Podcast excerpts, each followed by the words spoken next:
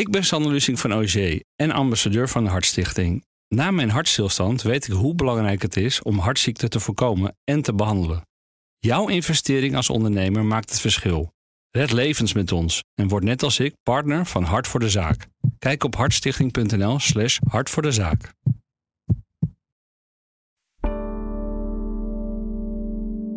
Boerenprotesten, coronarellen, brexit, de bestorming van het kapitool.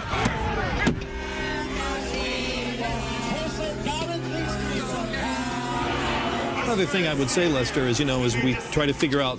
Well, it looks it looks now like the Capitol, the, the police. Have Yeah, been uh, Pete, let me break away from you a back. second because things are happening very quickly. The government did this to us. We were normal, good, law abiding citizens. Wie door zijn oogharen naar westerse democratieën kijkt, zou zich behoorlijk zorgen kunnen maken. We lijken het permanent oneens met elkaar te zijn. Je bent ergens voor of tegen. En de gouden middenweg, die is voor velen ver weg. Dat houdt ook collega Hella Huuk bezig. Ze is chef bij het FD en ging voor de krant in gesprek met Rudy van Belkom. Hij is directeur van de stichting Toekomstbeeld ter Techniek. Al zijn hele leven is hij bezig met de vraag hoe technologie mensen kan verbinden, maar ook polariseert.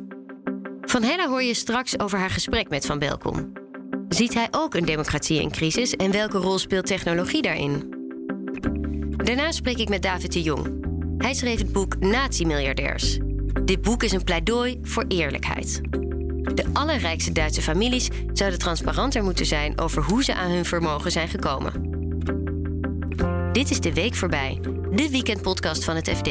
En mijn naam is Elfanie Toulaar.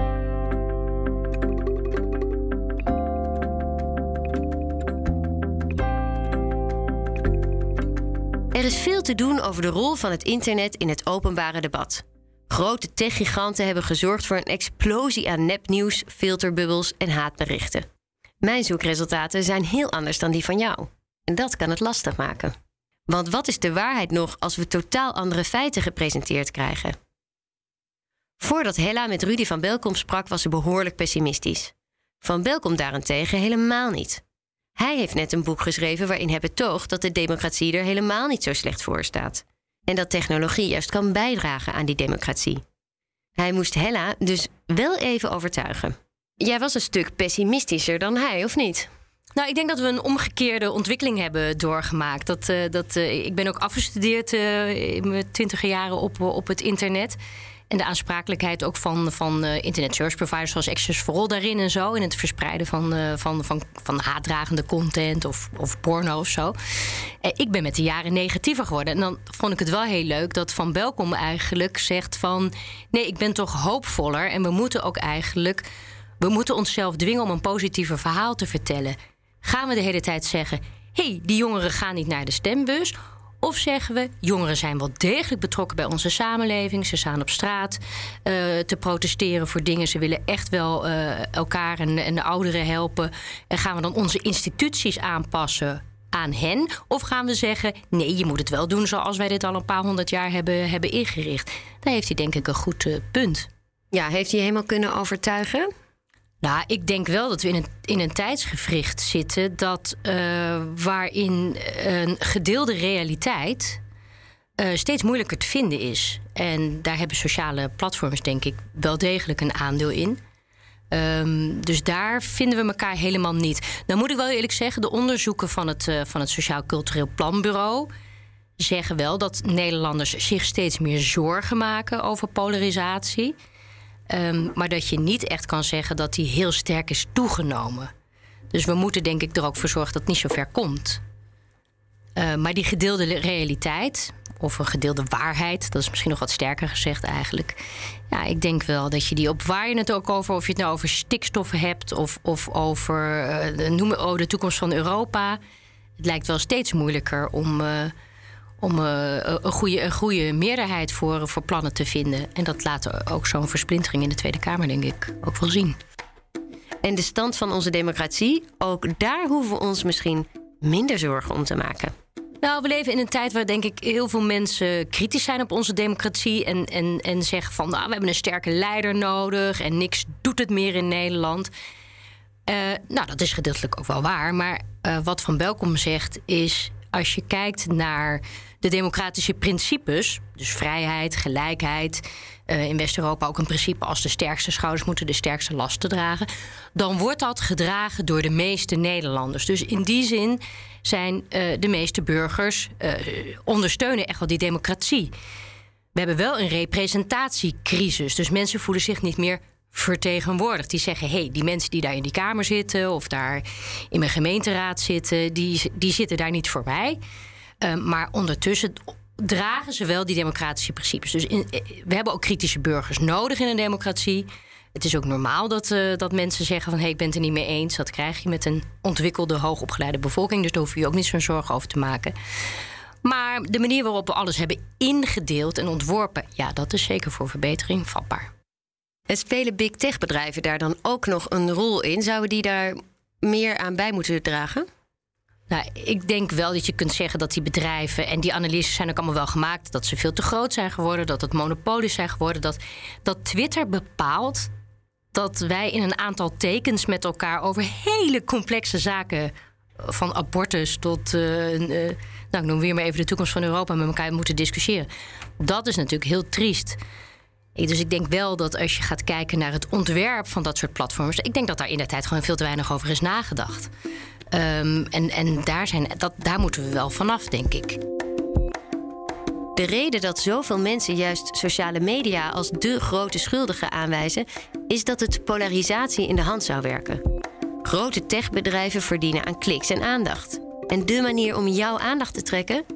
Je steeds extremere dingen laten zien. En door algoritmes die perfect zijn afgestemd op ons eigen online gedrag, krijg jij op internet misschien wel totaal iets anders te zien dan de persoon die naast je zit. En dan heb ik het nog niet eens over de grote schandalen. We hebben natuurlijk uh, Cambridge Analytica gehad, hè, waar die, die, allemaal data over Amerikaanse burgers had. En die gingen, de, die gingen dan hele persoonlijke politieke advertenties uh, naar die uh, online die mensen sturen of ze eigenlijk ze laten zien. Waardoor is gezegd, ja, daardoor heeft Trump misschien eigenlijk wel gewonnen. En dat wordt eigenlijk wel door later onderzoek wel gedebunked.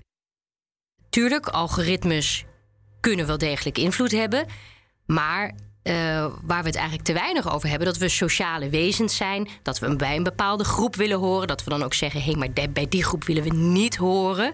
Um, je, kan dus niet de schuld allemaal aan technologie geven. We zijn ook, we, we moeten eigenlijk ook meer kijken naar onszelf. Want wij verspreiden dat netnieuws. Wij verspreiden het netnieuws en niet het algoritme. Als je echt alleen maar zou zeggen van ja, dat algoritme is fout en dat gaan we aanpassen en dan doet de hele democratie het weer en dan doet online alles het weer een mooie, mooie flauwe wereld. Nee. Hij zegt je moet toch echt ook wel naar de menselijke natuur uh, uh, kijken. En dus dingen anders inrichten. Dat anders inrichten, daar werkt de techwereld nu hard aan. Zo zijn alle platforms bezig hun algoritmes te veranderen geven ze vaker aan wanneer iets discutabel is of wijzen ze je op wie de afzender is. Mensen als Donald Trump en radiopresentator en complotdenker Alex Jones zijn bovendien niet meer welkom op veel platforms. En zo zijn er nog veel meer voorbeelden, vertelt Hella. Je hebt sowieso open source software dat heet Polis. En die probeert een algoritme goed te gebruiken door inderdaad te kijken waar vinden mensen elkaar? En als mensen het eens zijn, die uitkomst hoger te ranken dan waar mensen het niet met elkaar eens zijn. In Taiwan heb je V-Taiwan.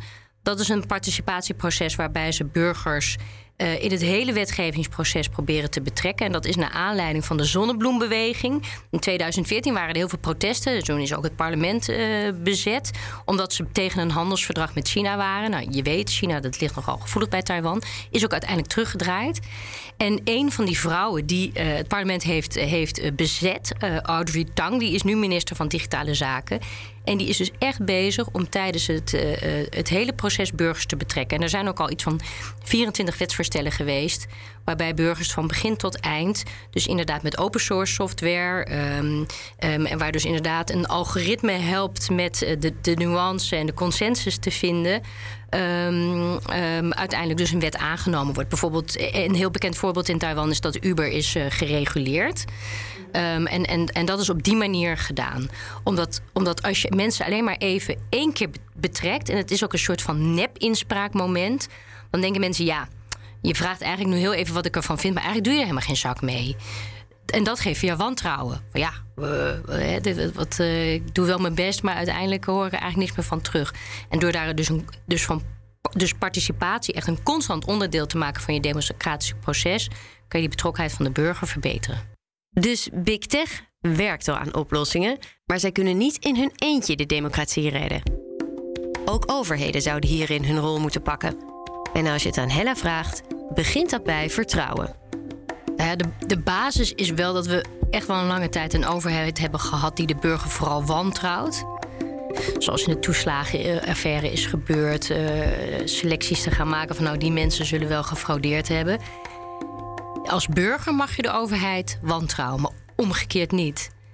Ik denk dat de overheid beter kan nadenken over hoe burgers kunnen participeren. Mm democratie is niet alleen maar één keer in de vier jaar naar de stembus gaan. Dus het is natuurlijk veel meer. Dan zou je dus kunnen zeggen, bijvoorbeeld het inzetten van referenda bij bepaalde thema's. Dat werkt ook vaak polariserend, toch? Dan heb je ja of nee windmolenpark. Ja, precies. Wat. Dus daarvan kan je nou echt zeggen van. Uh, want dat wordt natuurlijk vaak gezegd van ja, maar je zou eigenlijk meer referenda moeten doen. Want dan betrek je de burger beter bij, bij het proces. Het omgekeerde is eigenlijk waar. Want uh, voor of tegen windmolens, het blijkt dat als je, meer, als je mensen meer genuanceerde opties voorlegt, dat mensen wel degelijk genuanceerd zijn. Dat heeft Van Belkom uh, geprobeerd bij provinciale staten. Was er in Breda was er een schaduwverkiezing onder 1600. Breda, Bredanezen of mensen uit Breda, uh, inwoners uit Breda, Bredanaren. Sorry Breda, dat ik dit niet helemaal weet. um, en dan kregen mensen vier, vijf keuzes voorgelegd. En dan kan je wel zeggen, mensen willen uh, zijn niet tegen windmolens, maar het moet wel met zoveel afstand van een uh, woonkern staan of whatever. En dan blijkt eigenlijk dat we elkaar best wel kunnen vinden. En die van Belkom die jij sprak, is die nog verder bezig met interessante initiatieven op dat terrein? Oh, volgens mij heeft hij nu net zijn boek af en is hij al lang blij dat dat nu in de boekwinkels ligt. Eerst signeren. Precies, eerst signeren. Denk ik hoor, Rudy. Als het niet zo is, moet je me nog even mailen.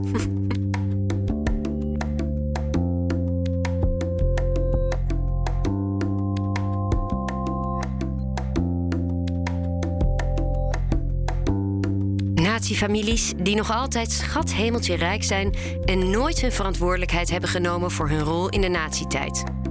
Journalist David de Jong dook in de families die in het Duitse landsbelang hun geschiedenis maar beter verzwegen. De historie legt hij alsnog bloot in zijn boek Nazi-miljardairs. Deze families of deze bedrijven zijn een grote uitzondering in de Duitse samenleving. Waarin ze net doen alsof ze dus met hun verleden om zijn gegaan, maar het eigenlijk gewoon verstoppen witwassen. Om te beginnen raakt de Tweede Wereldoorlog aan Davids eigen familiegeschiedenis. Zijn grootouders zijn getekend door ervaringen tijdens de oorlog. Mijn grootvader die, uh, was Engelandvaarder, of die heeft getracht naar Engeland te varen, te zeilen. En met zijn beste vriend, uh, zijn vertrokken uit Zandvoort in 1941. En, en, zijn toen de eerste keer mislukte het. Zijn ze terug naar uh, het strand geblazen. En de tweede keer ook. Alleen toen zijn ze in Scheveningen terechtgekomen. En daar werden ze gearresteerd uh, door Duitse soldaten. En toen is mijn grootvader als politiek gevangene veroordeeld. En tot twee jaar dwangarbeid veroordeeld. En te werk gesteld in Bochum in een staalfabriek. Mijn grootvader was 1,97 en die kwam eruit uh, weegde die nog 50 kilo. Toen is hij in een sanatorium in Zwitserland is hij, is hij opgelapt met mijn grootmoeder, dat zijn buurmeisje was uit, uit Heemstede. Uh, is hij weer opgelapt en zij zijn heel snel getrouwd. mijn moeder is in 47 geboren, oudste van vier. En van mijn vaders kant, mijn, van mijn vaders familie, die waren Joods. Mijn grootvader heeft 3,5 jaar ondergedoken gezeten in Amsterdam op de uh, Oude Voorburgwal. Maar mijn grootmoeder was Zwitsers en die is met mijn driejarige tante... zijn ze in, in 41 zijn ze naar, samen met een uh, compaan, Max van Dam, een bekende schilder... zijn ze naar, vluchten ze naar Zwitserland en toen zijn ze aangehouden door de Gestapo op de Frans-Zwitserse grens. En toen heeft een Gestapo-officier medelijden gekregen met mijn grootmoeder en, mijn, en, en haar, met haar driejarige dochter... En die heeft gezegd van, nou, ga vanavond ergens anders slapen... en meld je morgen weer met de impliciete boodschap van... vlucht vannacht. Max van Dam is toen teruggegaan de volgende dag en die is gedeporteerd naar Sobibor en daar vermoord. mijn grootmoeder en mijn tante die hebben het wel, die zijn de, die zijn de berg over uh, gekomen en, en die waren in, in veilig uh, Zwitserland uh, en daar de, de, rest van de oorlog ja, uitgewacht. Was dit voor jou ook de reden om dit boek te gaan schrijven? Nee, totaal niet. Bij Bloomberg News in, in, in New York werkte ik voor een nieuw team wat over niet beursgenoteerde mm, familiebedrijven schreef. Het werd me al heel snel gevraagd, begin 2012, of ik ook over de Duitsstalige landen kon gaan schrijven. Omdat ik Nederlander was. Voor Amerikanen was het zo van hij is Nederlands. Dus hij kan vast wel over. dat, dat was allemaal één pot nat. Dus dan ging ik, en dat deed ik vanuit New York, dus dan ging ik eh, één maand per jaar tussen ehm, Thanksgiving en Kerstmis ging ik dan alle redacties af in, in er hebben vijf redacties in Duitsland, uh, twee in Zwitserland en één in, um, in Oostenrijk. En vandaar een beetje verslag doen. En de verhalen die daaruit kwamen, dat waren heel erg een, een, een mix van het financiële en het historische. Wat ik merkte heel erg was dat de families die bedrijven zoals BMW en, en, en Porsche en, en andere ja, wereldwijd bekende merken controleren, dat die eigenlijk hun eigen geschiedenis nog witwassen uh, door middel van globale stichtingen en mediaprijzen en leerstoelen en, en uh, hoofdkantoren in naam van hun vaders en grootvaders die zakelijk ontzettend succesvol waren. Uh, Porsche, de eerste Porsche-auto hebben ontworpen. Of de Volkswagen hebben ontworpen. Of Dr. Utker groot hebben gemaakt. Maar niet helemaal niet transparant zijn over hun oorlogsmisdaden. Of, of over hun verstrikking met het naziregime. Een van de voorbeelden die je schetst uh, was de familie. Uh, dat waren de Quants, hè? Wie zijn dat? De Quant-dynastie is, heeft twee takken. Günther Quant was de patriarch. Die is al in 1954 overleden. Maar zijn eerste vrouw is omgekomen in de, de Spaanse grieppandemie. En daar had hij twee zonen met die eerste vrouw. En dan ontmoette hij daarna heel snel op een trein ontmoette hij een meisje, een 17-jarig meisje. En daar werd hij helemaal verliefd op. Hij was 20 jaar ouder, hij was 37. En toen vroeg hij heel snel haar hand. En toen raakte ze getrouwd. En dat, dat huwelijk was een complete mislukking. Maar ze zijn nog wel uh, tien jaar bij elkaar gebleven. En um, daar kwam één zoon uit, Harold. En na die scheiding is Magda Friedlander is met Jozef Goebbels getrouwd geraakt. Dus de nazi-propagandaminister, wat later de nazi-propagandaminister werd. En zij werden eigenlijk het meest befaamde paar van Nazi-Duitsland, het meest radicale paar ook. En die natuurlijk uiteindelijk. In... De namen vliegen je om de oren, dus ik vat het nog even voor je samen. Magda Friedlander krijgt op 17-jarige leeftijd een relatie met Günther Kwant. Die relatie duurt 10 jaar. Ze krijgen één zoon, Harald. Na de scheiding met Günther trouwt Magda met Jozef Goebbels, die later nazi-propagandaminister zou worden en met wie ze nog zes kinderen krijgt. Zoon Harald groeide op in gezin Goebbels, maar werd nooit lid van de nazi-partij.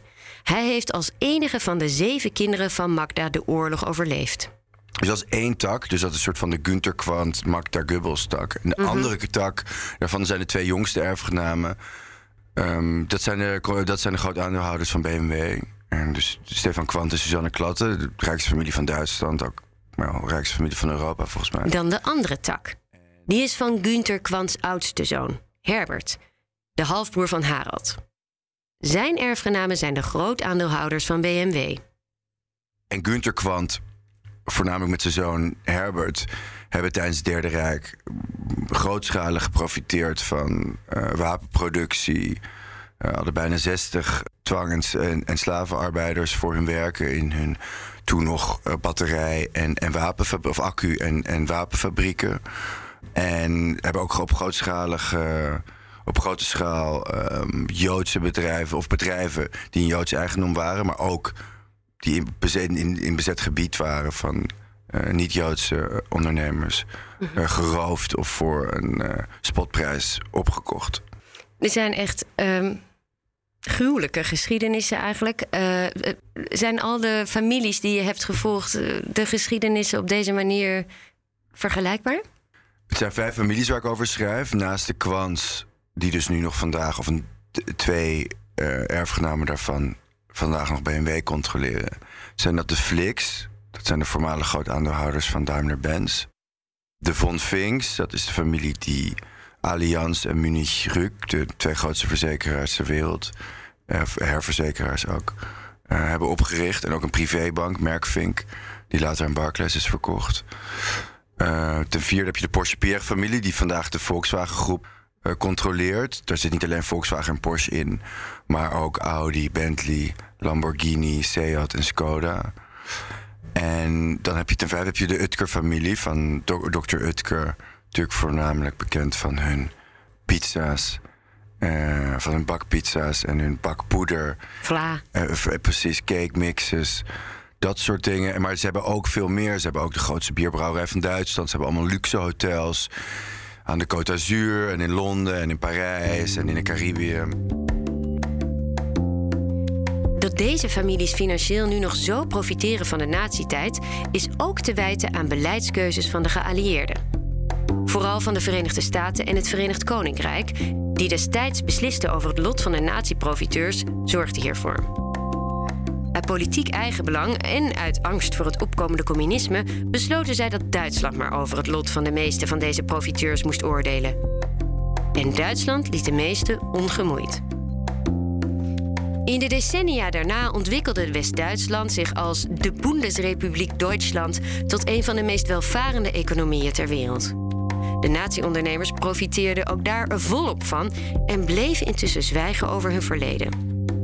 Tot op de dag van vandaag vertelt David. Mensen weten de details niet. Dus wat er gebeurt als er een publiek schandaal in Duitsland over dat een journalist vindt, weet je, de, de donkere familiegeschiedenis van de kwans of de fliks uit. Dan in respons wat die families allemaal doen, is die, die geven een academische studie in opdracht. Uh, en dan hoor je vier jaar niks.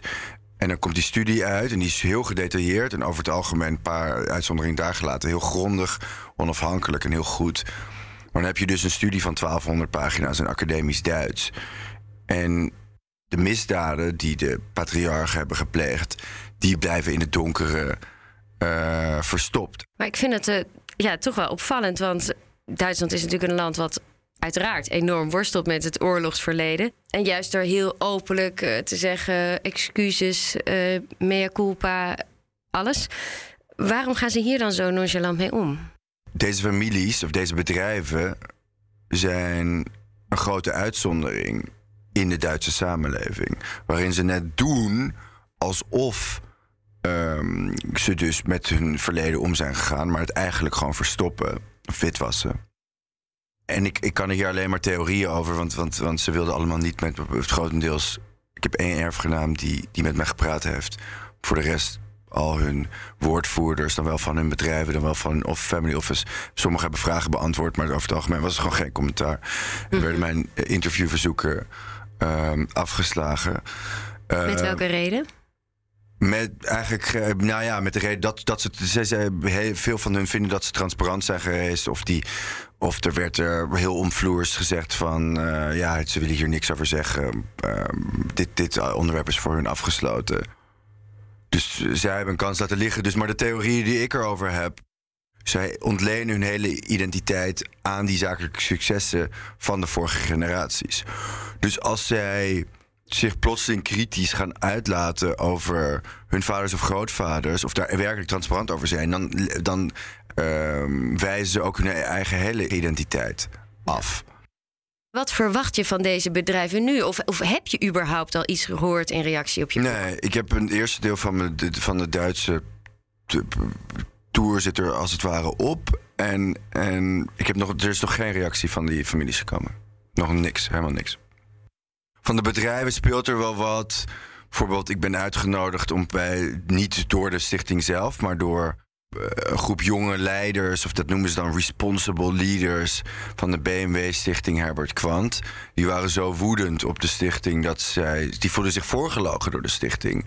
Ehm, dat zij, zeker mensen uit Israël of met een Joodse afkomst, dat zij dus geld hebben ontvangen uh, in naam van Herbert Kwant. En dat de stichting dus nooit iets heeft gezegd. Of totdat mijn boek uitkwam, helemaal niet deze responsible leaders helemaal niet wisten over de oorlogsmisdaden van Herbert Kwant. Bij Porsche speelt daar ook wat, want Porsche heeft later dit jaar een beursgang. Porsche wordt uitgesponnen van, van de Volkswagen Groep. En wordt, gaat waarschijnlijk voor een waardering van, 100, van zo hoog als 100 miljard naar de beurs. Dus die moeten ook schoon schip maken. Kijk, ik ben journalist, dus ik vind dat mensen zelf met de feiten die ik in mijn boek tentoon uh, spreid, uh, dat ze die zelf naar zich toe moeten nemen en zelf hun eigen oordeel moeten vellen. Dat is mijn hoop. Maar dat men, dat consumenten wel bewust zijn dat als ze geld uitgeven op producten, of het nou Dr. Utker of BMW of Porsche of whoever is, dat ze bewust zijn dat, dat het geld wat ze uitgeven kan, kan de dividenden van deze families worden. En die kunnen dus naar die globale stichtingen of mediaprijzen of, of leerstoelen of hoofdkantoren gaan in naam van de patriarchen die dus oorlogsmisdaden hebben gepleegd. Dus dat men zich bewust, het is wel een soort van bewustwording van weet waar je geld uh, naartoe gaat en in wiens naam. Dit was hem voor deze week. Dankjewel voor het luisteren naar De Week Voorbij. Als je dit leuk vindt, abonneer je dan op deze podcast. Dan staan we elk weekend voor je klaar. Wil je reageren? Dat kan natuurlijk. Via mail podcast.fd.nl en je vindt me ook op Twitter, Elfanie.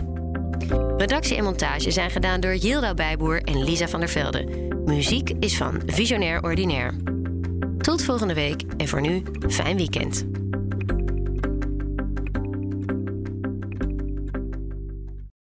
Ik ben Sander Lusing van OG en ambassadeur van de Hartstichting. Na mijn hartstilstand weet ik hoe belangrijk het is om hartziekten te voorkomen en te behandelen. Jouw investering als ondernemer maakt het verschil. Red levens met ons en word net als ik partner van Hart voor de Zaak. Kijk op hartstichting.nl/slash hart voor de zaak.